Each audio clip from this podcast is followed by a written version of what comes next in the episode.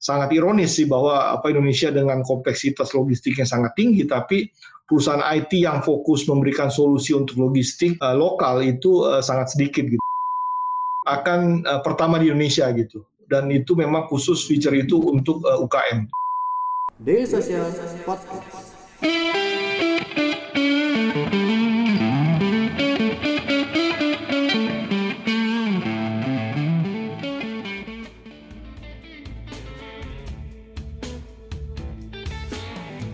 Data nggak sih Pak untuk mendukung Pak peningkatannya uh, berapa persen gitu Pak dibandingkan hari normal? Atau pikir itu baru terasa kapan Pak? Dua bulan setelah pembatasan sosial diberlakukan atau seperti apa? Uh, kalau kita lihat memang paling tinggi itu di bulan Mei itu karena waktu itu apa PSBB udah mulai dan waktu itu mau Lebaran kan Pak itu uh, di situ uh, kenaikan kita itu sampai 250 persen. Nah itu juga kita agak kewalahan tuh kita nggak antisipasi naiknya sampai 250 persen sehingga memang uh, waktu bulan Mei itu SLA kita sempat drop gitu karena memang apa uh, apa volumenya sangat besar gitu ini. Kalau sekarang begitu habis Lebaran udah mulai normal lagi turun. Sekarang rata-rata sih growth-nya sekitar apa uh, 20% setiap uh, setiap bulannya gitu ini. Jadi masih masih masih bisa kita handle. Yang ini aja pas bulan Mei aja waktu itu PSBB mulai dan uh, Lebaran apa bulan-bulan puasa gitu ininya dan itu uh, itu Pak, itu ada ada pelonjakan signifikan.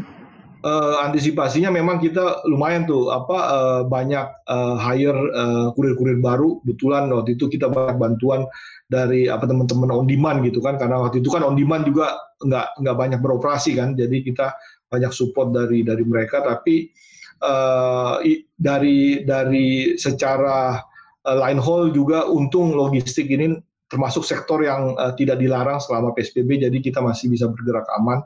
Tapi itu karena uh, ada pickup dan dan uh, last apa last mile itu lumayan ribet tuh begitu satu RT di portal lah itu lumayan nunggunya lumayan lama gitu kan. Nah, dan kalau kita lihat kalau uh, apalagi kirimannya makanan, um, kirim makan itu sensitif kan. Kalau kita misalnya order baju atau aksesoris oke okay lah nggak masalah gitu kan. Tapi kalau makanan telat sejam itu eh, uh, komplainnya lumayan tuh ininya. Apa uh, yang, yang yang yang yang yang yang yang nelfon gitu kan. Jadi memang banyak pelajaran-pelajaran yang kita lihat bahwa uh, menghandle makanan ini nggak uh, nggak nggak gampang gitu. Tapi kalau kita lihat kalau kita bisa handle dengan baik itu banyak membantu UKM-UKM kita yang memang uh, selama pandemi ini paling gampang itu jualan makanan gitu. Jago foto di Instagram udah bisa bisa bisa bisa ini tuh bisa laku gitu kan. Dan uh, masih nyambung Pak dengan pertanyaan tadi Pak, uh, ada banyak pembelajaran ya Pak yang didapat ya Pak ya uh, karena pandemi dan kita kan belum tahu nih Pak situasinya kapan akan berakhir. Nah kira-kira nanti ke depannya Pak uh, ada antisipasi-antisipasi lain nggak sih Pak yang dipersiapkan gitu Pak untuk mengoptimalkan uh, layanan kurir dari dan terutama untuk menghindari lonjakan traffic tadi gitu Pak. Ya uh, banyak im, uh, improvement yang kita kita lakukan dengan belajar di waktu bulan Mei itu. Jadi kalau kita lihat sekarang aplikasi user apps kita juga kita udah rilis yang versi 2. Jadi apa banyak improvement yang kita lakukan aplikasi versi 2 ini yang bisa lebih cepat. Jadi banyak yang kita menggunakan apa inovasi baru seperti chatbot yang yang apa udah banyak dipakai itu juga kita uh, uh, uh, udah udah pakai di, di di dan juga proses juga uh, kita uh, dengan uh, di udah bisa bayar pakai e-wallet gitu. Kalau dulu hanya hanya cash dan pakai Pexel Credit, sekarang udah bisa pakai e-wallet. Jadi dari banyak yang kita uh, kita improve dan juga kalau kita lihat uh, selama pandemi ini dari belajar itu ternyata uh, frozen foodnya itu lumayan banyak tuh. Hampir 40% dari dari kirimannya Pexel itu ada adalah makanan beku gitu. Jadi mau nggak mau kita harus melakukan uh, apa uh, uh, perbaikan di infrastruktur kita dengan memakai banyak apa uh, chiller, freezer dan juga cool box dan juga truk-truk uh, berpendingin gitu. Karena memang kita lihat makanan itu uh, bergeraknya lumayan tuh. Ada yang kirim pempek dari Jakarta ke Bandung, ada yang kirim pempek dari Bandung ke Jakarta. Saya juga bingung nih, kok pempeknya sama-sama pempek tapi dari Jakarta ke Bandung, Bandung Jakarta gitu kan. Dan banyak makanan-makanan lain yang kita lihat, apalagi bahan makanan fresh, apa apakah buah, sayur yang kita lihat selama uh, selama uh, COVID-19 ini itu bisa bergerak antar kota dengan dengan biaya yang murah gitu. Oke Pak. Uh, ngomong-ngomong soal smart logistik Pak, uh, bisa diceritain nggak sih Pak mungkin dalam pengembangan inovasi di Pexel sendiri, uh, mungkin juga buat teman-teman di rumah yang ingin tahu uh, sebetulnya di bagian mana sih smart logistik itu berperan gitu Pak dalam proses dari uh, konsumen memesan gitu sampai dia menerima barangnya Pak. Mungkin bisa diceritakan dari dari situ. Dan apakah ada bagian tertentu Pak yang membutuhkan lebih banyak uh, personil atau human assistant untuk mencapai uh, kecepatan yang diinginkan Pak? Karena kan dari Pexel sendiri kan uh, pakai jargonnya kan uh, same day delivery. Yeah. Kurang lebih gitu Pak. Ya. Yeah.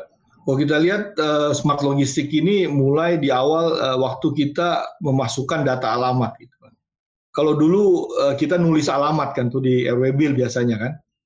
Uh, jadi kalau dulu kita nulis alamat kita uh, di di kertas di RW Bill, sekarang orang rata-rata alamatnya dia tagging gitu kan.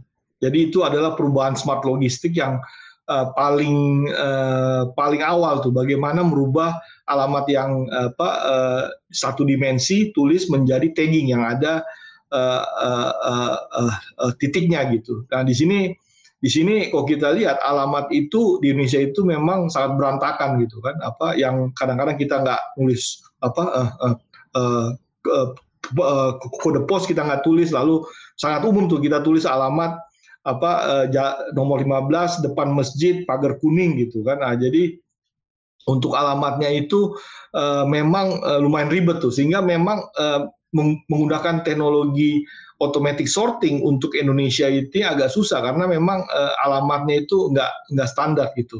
Tapi dengan ada uh, uh, tagging itu mem mempermudah gitu. Bagaimana kita hanya men-tagging alamat itu gitu. Jadi itu salah satu yang paling mudah untuk melakukan smart uh, smart logistik gitu. Uh, dan uh, apa uh, dan itu memang butuh uh, uh, tim IT dan juga uh, kemampuan di mapping yang sangat bagus gitu nih ya. Lalu juga mengatur routing kan. Routing kita Indonesia ini atau Jakarta lah.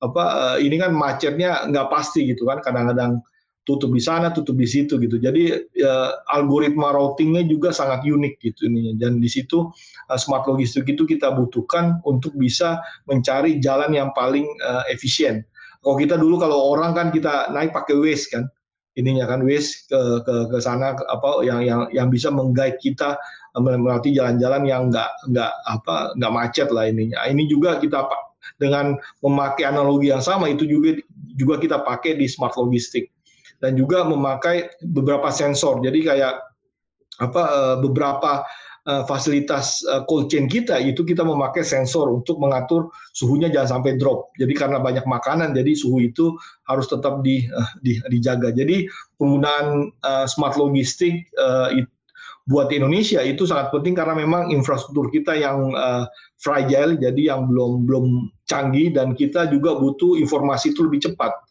Jadi kalau misalnya ada pesawat delay atau truknya mogok itu informasi itu bisa kita sampaikan ke uh, langsung ke uh, langsung ke customer gitu bahwa ada kemungkinan barangnya telat karena ada masalah gitu. Itu yang sangat dibutuhkan uh, smart logistik yang lumayan andal tuh ini.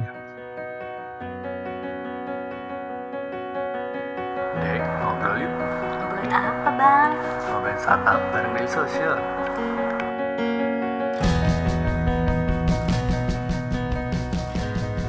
Daily Social Podcast.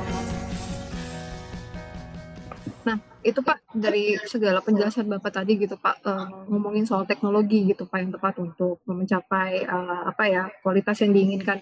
Uh, kalau dari Bapak sendiri sebetulnya kunci untuk mencapai uh, layanan smart logistik yang yang baik itu seperti apa ya Pak ya? Mungkin atau ada harapannya di di ke depannya itu smart logistik akan semakin lebih baik gitu Pak, baik dari sisi akurasi gitu Pak, kemudian juga dari sisi pengiriman uh, layanan terutama uh, makanan yang uh, produk-produk yang cepat cepat ini ya Pak ya seperti makanan itu kan cepat ini Pak turun.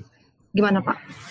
Uh, ya untuk untuk smart logistik lebih baik itu sebenarnya buat Indonesia kita butuh memang lebih banyak lagi startup logistik gitu yang dibikin sama apa nggak harus orang logistik yang yang bikin gitu jadi kita butuh banyak uh, startup startup logistik yang memberikan inovasi baru dan juga uh, kalau kita lihat uh, salah satu uh, masalah apa hambatan kita smart logistik di Indonesia itu uh, mencari resource IT itu sangat susah gitu karena harus rebutan dengan beberapa unicorn lah kan. Jadi kalau jadi ini yang juga kita lihat kendala di Indonesia untuk smart logistik itu mendapatkan resource uh, eh, IT. Bahkan kalau kita lihat uh, di Indonesia itu perusahaan uh, logistik lokal, uh, per, bukan perusahaan logistik, perusahaan IT lokal yang khusus uh, logistik itu sangat sedikit gitu, kurang dari lima perusahaan. Kan ini sangat sangat ironis sih bahwa apa Indonesia dengan kompleksitas logistik yang sangat tinggi, tapi perusahaan IT yang fokus memberikan solusi untuk logistik uh, lokal itu uh, sangat sedikit gitu. Jadi ya memang kita harapkan lebih banyak lagi perusahaan-perusahaan startup logistik dan juga resource IT kita makin banyak yang yang sehingga apa smart logistik ini bisa jauh lebih cepat berkembang gitu. Kuncinya uh, di ekosistem ya Pak ya. Jadi semakin yeah. banyak player akan semakin bagus bagus juga Pak untuk uh, memperkuat apa Betul. infrastrukturnya. Yeah ada nggak sih Pak uh, mungkin dari pengalaman Bapak gitu ngelihat uh, startup-startup logistik di luar Pak di luar negeri Pak selain Indonesia yang kira kira-kira bisa jadi role model yang bagus gitu Pak untuk industri logistik Indonesia? Wah agak agak susah ya karena memang uh, Indonesia ini agak unik gitu. Jadi uh, startup logistik yang, yang sukses di luar itu belum tentu sukses di Indonesia gitu. Karena memang tipikal marketnya beda, apa uh, e-commerce-nya beda, infrastrukturnya beda. Jadi sebenarnya apa peluang besar sih buat orang Indonesia sendiri bagaimana bisa membuat apa startup logistik atau perusahaan logistik yang inovatif yang memang cocok untuk uh, di Indonesia gitu. Kita jeda dulu Pak, ada satu pertanyaan dari teman di rumah. Uh, pertanyaannya Paxel bisa dikatakan sebagai pionir dalam dunia on-demand logistic services. Bagaimana strategi marketing Paxel di tahun-tahun awal hingga akhirnya bisa menjadi logistic services yang diperhitungkan Pak di Indonesia? Uh, ya, uh, kalau strategi marketing memang uh, saya bukan orang marketing ya, tapi apa kalau saya lihat dari tim saya marketing itu memang kita banyak uh, memakai sosial media gitu kan dan kita lihat uh, marketing yang paling efektif untuk logistik adalah uh, rekomendasi.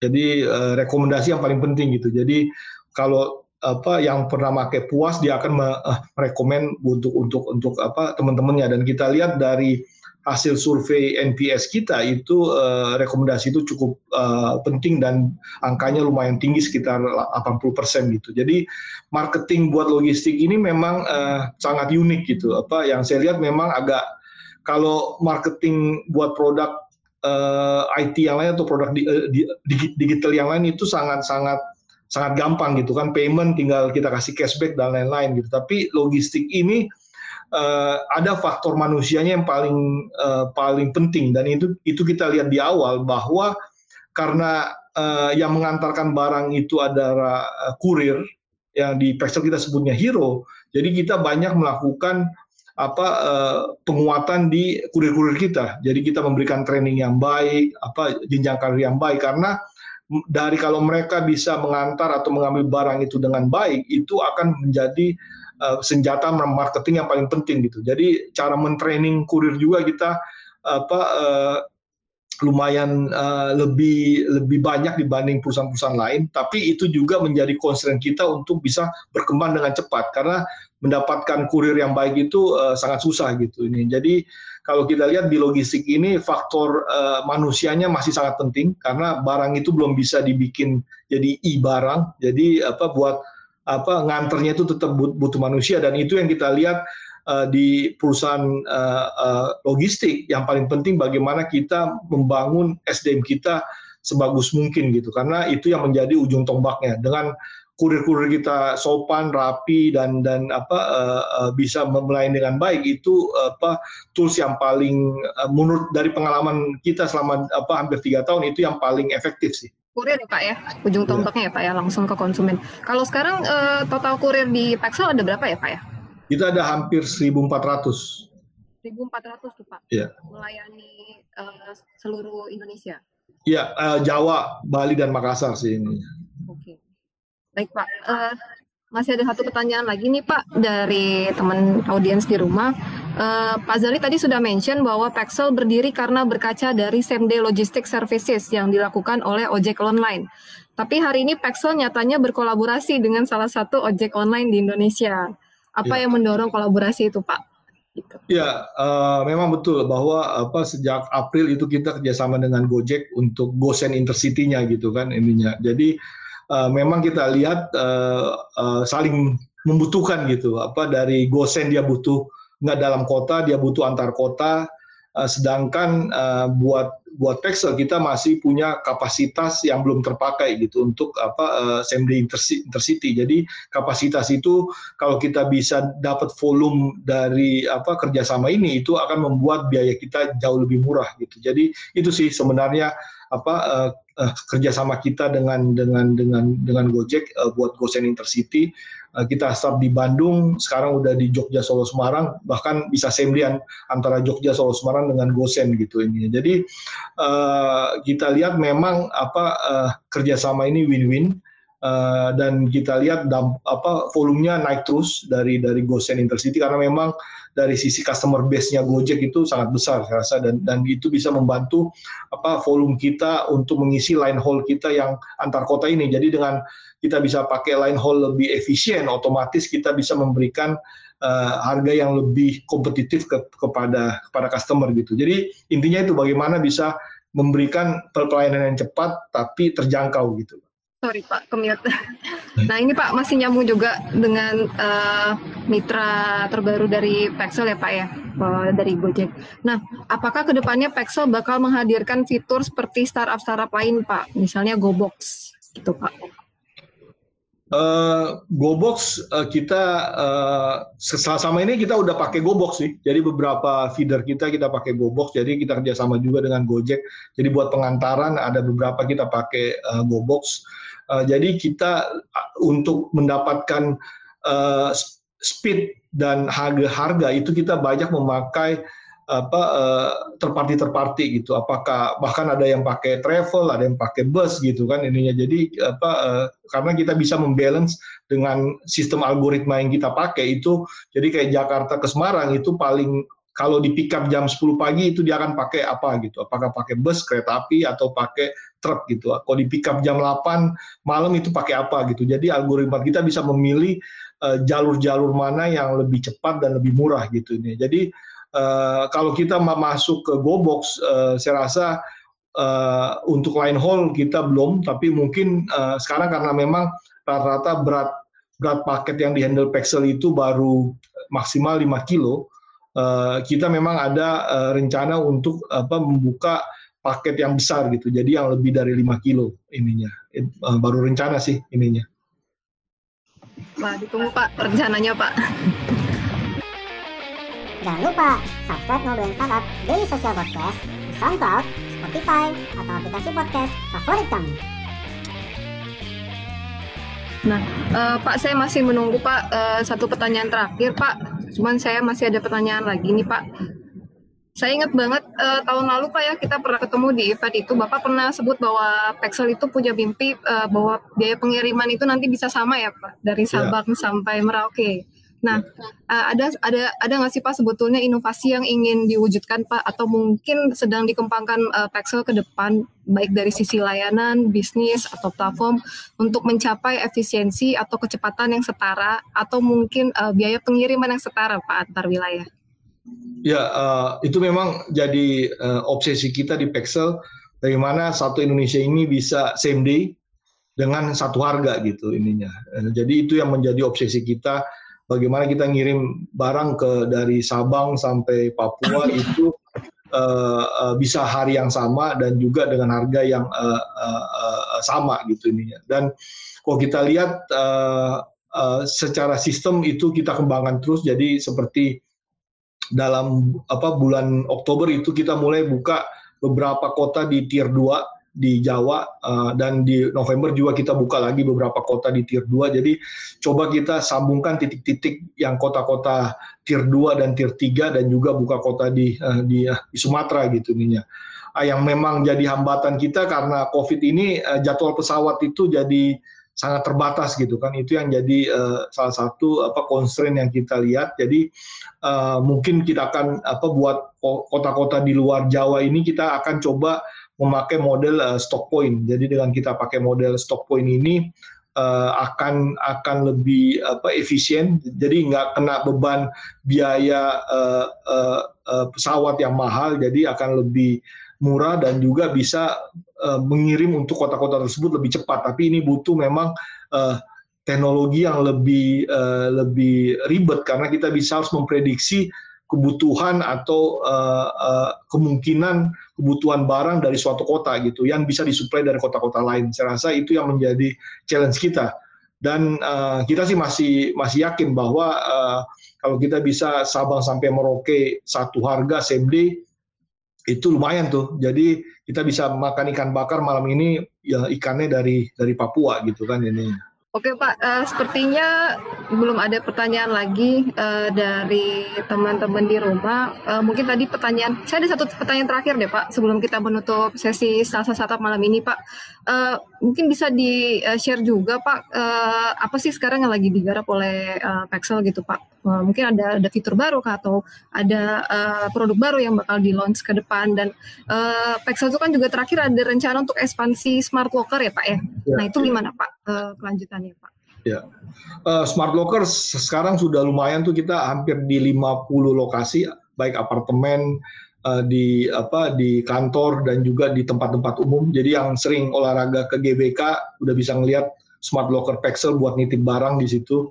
Uh, juga uh, di apartemen sekarang karena uh, contactless delivery itu uh, menjadi sesuatu keharusan, jadi lumayan tuh demand dari apartemen untuk memakai smart locker Pexel itu lumayan tinggi. Karena smart locker yang kita taruh di apartemen itu itu uh, open system. Jadi nggak nggak cuma buat paketnya Pexel tapi untuk semua paket termasuk yang uh, uh, apa orderan food delivery dan dan juga dari perusahaan-perusahaan kurir lain itu bisa memakai smart locker Pexel jadi itu yang kita uh, makin banyak roll out di beberapa apartemen dan uh, uh, di Jakarta dan juga di Bandung. Uh, lalu ke depannya ya kita berharap smart locker ini makin lama makin banyak. Karena kalau kita terbiasa apa ngirim barang atau nerima barang lewat locker itu biayanya bisa lebih murah lagi tuh. Uh, jadi kita lihat di Cina itu 8, hampir 90% pengirimannya udah lewat locker itu biaya kirimnya jauh lebih murah. Jadi itu kita harapkan apa eh, roll out uh, smart locker ini menjadi suatu kebiasaan. Ini makin lama makin banyak, apalagi dengan apa uh, COVID-19 ini. Jadi kita lebih aman menerima tanpa kontak langsung. Ke depannya ada beberapa feature yang akan kita keluarkan yang salah satunya itu yang uh, berat di atas 5 kilo yang sedang kita kita kita trial akan kita kita launching. Uh, dan juga ada satu yang mungkin saya belum bisa sebutkan tapi saya rasa itu akan uh, pertama di Indonesia gitu. Dan itu memang khusus feature itu untuk uh, UKM jadi itu uh, mudah-mudahan bisa uh, kita uh, launching sebelum uh, akhir tahun ini gitu. Oke, okay. look forward kalau begitu Pak, ditunggu rencana-rencana uh, Pexel ke depan. Nah, uh, pertanyaan tadi sekaligus menutup sesi kita malam ini ya Pak ya. Sebelumnya thank you banget Pak Saldi, Pak Zali sudah mau uh, sharing banyak Pak, insight menarik soal smart logistik. Mudah-mudahan teman-teman di rumah juga uh, terinspirasi gitu Pak untuk mungkin bisa uh, menjadi salah satu pemain juga Pak ya di industri ini. Sekali lagi thank you teman-teman, thank you Pak Zaldi, uh, stay safe dan Sampai jumpa minggu depan. Terima kasih.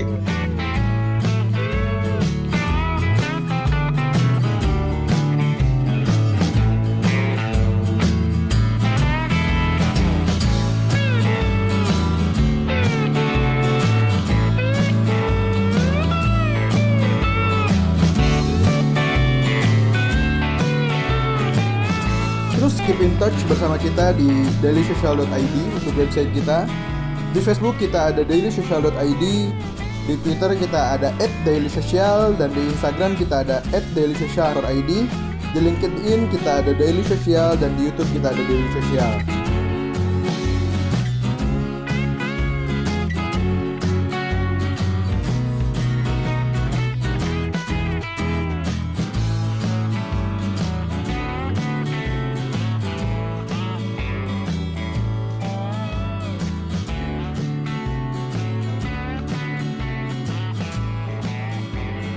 Daily Social Podcast.